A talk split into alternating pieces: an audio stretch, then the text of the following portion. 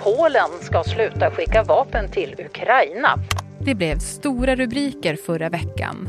Polen skulle sluta med sina vapenleveranser till grannlandet Ukraina. Och även om man senare backade så sätter utspelet ljuset på en konflikt som blivit allt mer infekterad. I grunden handlar spänningarna mellan Ukraina och Polen inte om vapen utan något helt annat, nämligen det ukrainska spannmålet. På en kvart får du veta varför konflikten är större än både vapen och spannmål. Och om priset för att stötta Ukraina nu börjar bli för högt. Den underliggande frågan som gör att det här är så otroligt känsligt är ser vi en rejäl spricka i den europeiska enigheten? Det är tisdag den 26 september. Det här är dagens story från Svenska Dagbladet med mig, Alexandra Karlsson och idag med Teresa Kyschler, Europakorrespondent på SvD.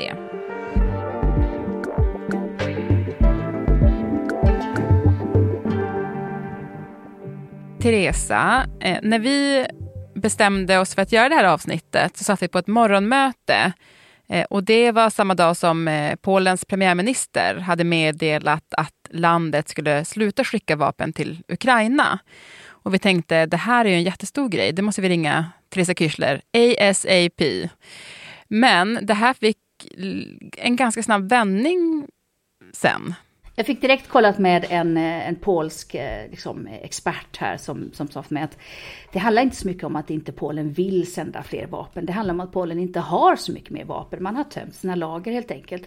Under ett och ett halvt år så har Polen och andra europeiska länder skickat väldigt mycket vapen. Och liksom, någon gång så tar lagren slut. Vi har, vi har ju hört att det, är så här, det, det saknas ammunition. Inte bara för att man inte Eh, har det, men för att det inte ens finns tillverkat till exempel.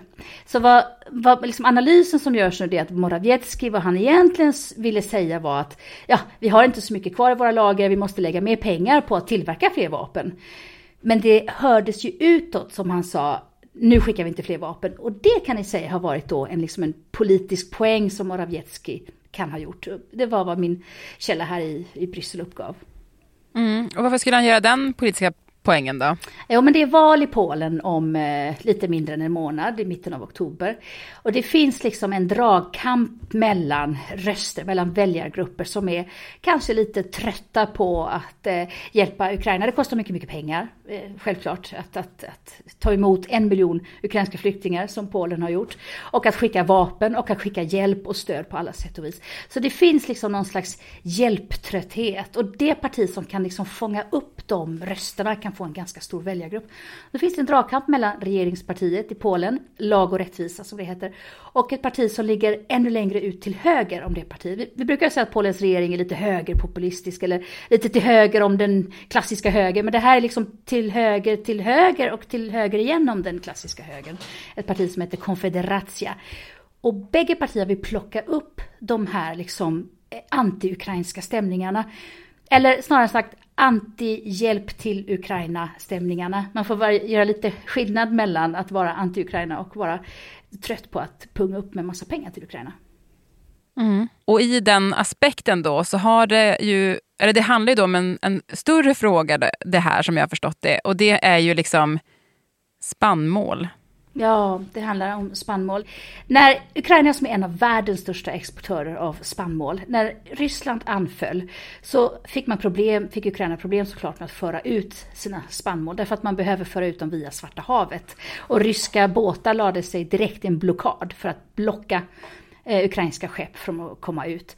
Vad gjorde man då? Jo, men då sa EU direkt så här, okej, okay, ni får lov att exportera dem västerut istället via tåg eller via floden Donau, alltså in i EU istället, så att ni slipper försöka ta er runt de här ryska blockaden. Och så sa man, och ni får också lov att sälja eh, några av de här grödorna fritt på den europeiska marknaden som, som en tjänst från oss. För att i vanliga fall så är det ju tullar och importtariffer och exporttariffer och avgifter. Vi, vi släpper ju liksom inte in varor hur som helst. Nej, men, och, och man lyckas ju till slut få till ett avtal med Ryssland om att Ukraina ska få frakta vissa varor på Svarta havet. Och det är ett avtal som Ryssland sen bryter. Så därför hamnar de här grödorna till slut på den europeiska marknaden ändå. Det är fem europeiska länder, eller fem EU-länder som gränsar till Ukraina. Det är Polen, det är Slovakien, Ungern, Rumänien och Bulgarien. Och det är de här fem länderna som man har sett då. Det kommer in enormt mycket jordbruksprodukter från Ukraina som hamnar på den egna marknaden, dumpar priserna och ställer till det för konkurrensen för hemmabönderna i de fem länderna.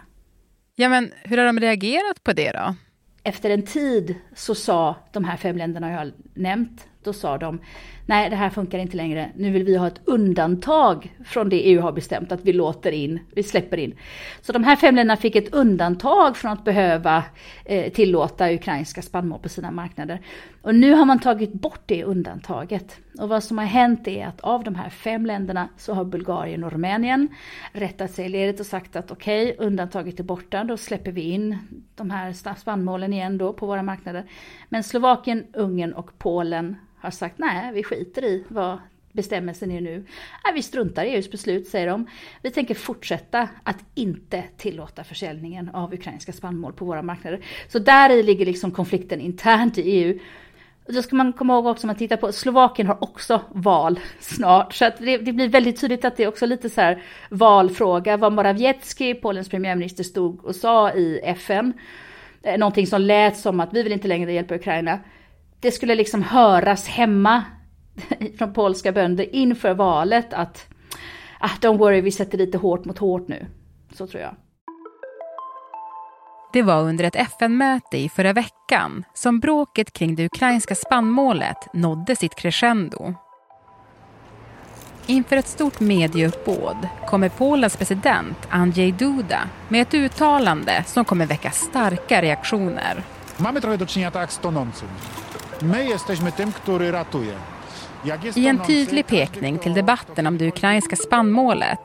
Jämför han Ukraina med en person som håller på att drunkna och drar med sig den som försöker hjälpa i vattnet.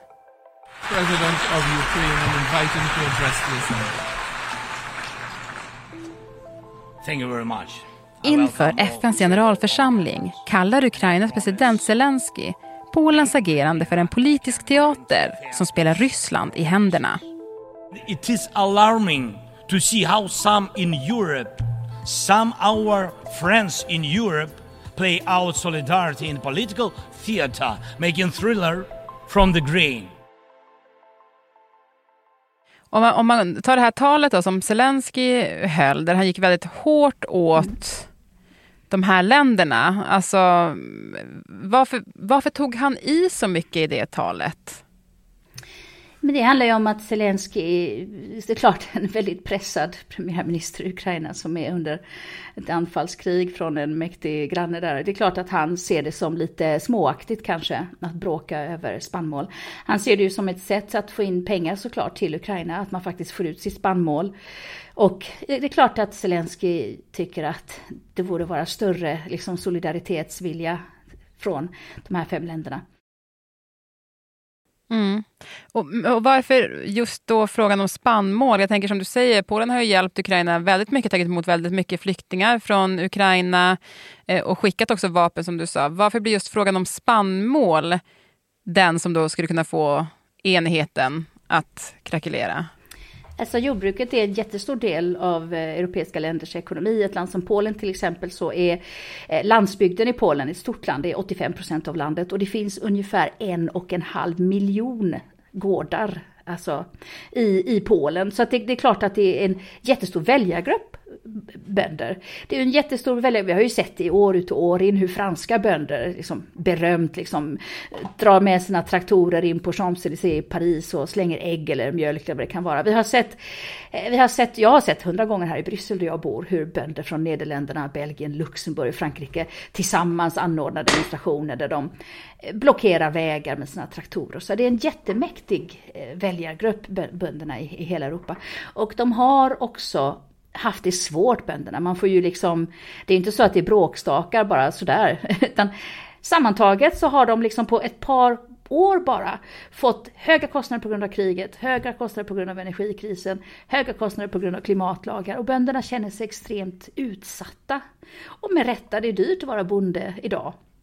Och det är klart att då, då, efter ett och ett halvt års krig så kanske polska bönder säger att men nu, har, nu har vår välvilja faktiskt tagit slut. Nu, nu, måste vi också tänka på våra egna plånböcker och våra egna, vårt egna levebröd. Ja, men om vi då går in på det här spåret, som du sa där, att det finns en politisk konflikt inför valet i Polen. Kommer det här med att dra ner på hjälpen till Ukraina vara en vinnande strategi? Jag tror att det blir en valfråga för bönderna såklart. Vi får komma ihåg att man, vi, kan aldrig, vi kommer aldrig tror jag kunna sitta i en podd här och säga att nu har Polen blivit proryskt och eh, anti-ukrainskt. Det ligger i liksom det polska DNA att, att vara anti-rysk. Det ligger i liksom historisk kulturell hävd att man som polack inte kan stödja Ryssland. Det, det finns nog inte en enda familj i Polen som inte har berättelser om Sovjettiden och hur ryssarna liksom har marscherat genom Polen i vartenda krig i världshistorien i den delen av Europa. Så att på något sätt så måste man nyansera lite. Att, att premiärminister Morawiecki säger att vi kan inte skicka fler vapen.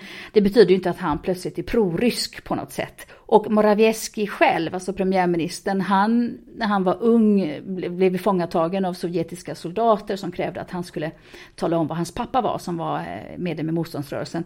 Och fick då som ung tonåring gräva sin egen grav. Alltså Sovjetsoldaterna hotade att skjuta honom och, sådär. och en person som har upplevt det kan aldrig någonsin... Eh, då är man inte renhårig när man kallar honom för liksom ryssvänlig helt plötsligt.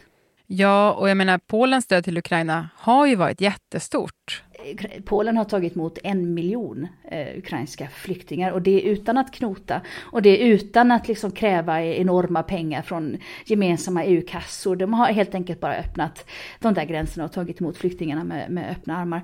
Och jag tror att så fort valet är överstökat den 15 oktober så kommer vi se andra tongångar igen i Polen som är liksom klart vi måste stödja Ukraina. Men frågan är ju då, som vi varit inne på, om det här sätter fingret på någonting lite större. Och, och det tyckte jag man märkte när Zelensky hade de här tongångarna mot Polen. Att, att mm. Polen svarade och sa så här, vi har hjälpt er jätte, jättemycket och det har varit mm. ovillkorat.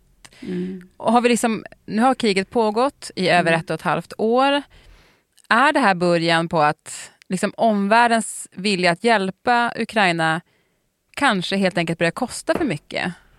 Det ser ut så om man tittar på enstaka utspel så från politiker. Det finns i Frankrike till exempel den förre presidenten Nicolas Sarkozy, ett känt namn som sagt att nej, det här går inte i längden så måste vi, nu måste vi börja snacka med Ryssland. Eller en enskild politiker då kanske i Polen som säger inför ett val att nej men nu måste vi stänga av liksom pengaflödet till, till Ukraina, vi behöver pengarna bättre själv.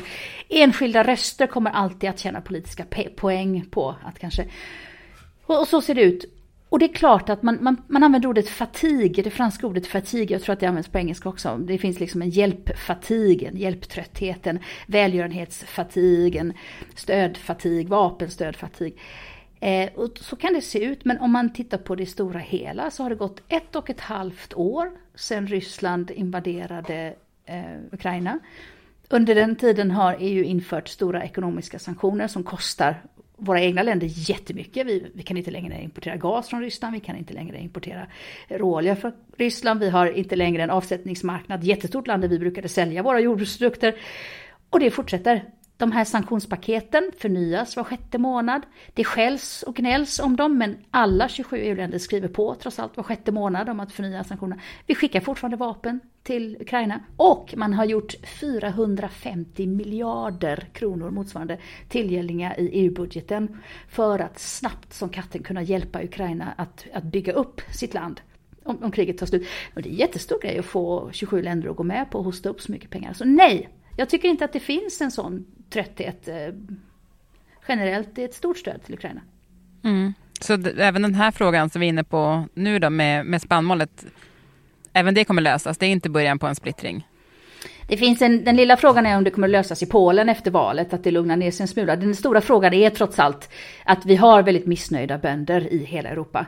I Nederländerna till exempel så såg vi i somras så gick bönder ut och kastade kodynga på eh, jordbruksministerns hus. Eh, blockerade gator med sina traktorer och det var, de satte bilar i brand och alltså, det var ganska hetska upplopp med liksom, konfrontationer med kravallpolis och sådär i, i det nederländska missnöjet så handlar det mer om kostnader för klimatomställningar.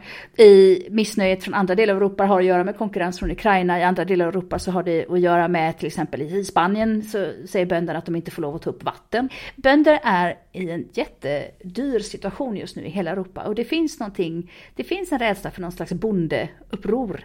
Det hörde man inte minst när EU-kommissionens ordförande Ursula von der Leyen höll sitt sånt där årliga supertal, alltså någon slags linjetal, brandtal om hur hon, vad hon har för visioner för Europa. Och då vände hon sig direkt till Europas bönder och sa, vi vill tacka er. Ich möchte heute unseren Landwirten meine Anerkennung aussprechen. Vi vill tacka er med en applåd för att ni förser oss med hälsosam mat varje dag på våra tallrikar. Alltså hon, hon fjäskade lite för dem, alltså ganska uppenbart. Och sen så sa hon att vi kommer att klara det här. Vi kommer att klara både klimatpolitik och eh, liksom en, en, en sund och, och, bra jordbrukspolitik för er. Hon, ville å ena sidan fjäska för dem, å andra sidan lugna ner dem. Så här, snälla gör inte uppror. Mm. Så att eh, jag tror att bondesituationen i Europa är liksom värd, eh, värd en egen podd faktiskt. Som inte bara har med Polen och Ukraina och spannmål därifrån att göra. Mm. Det får bli nästa gång Teresa. Mm. Tack så jättemycket. Tack ska ni ha. Programmet idag producerades av Alma Hogenäs, redaktör var Stina Fischer och om du vill kontakta oss så mejla till dagensstory.svd.se.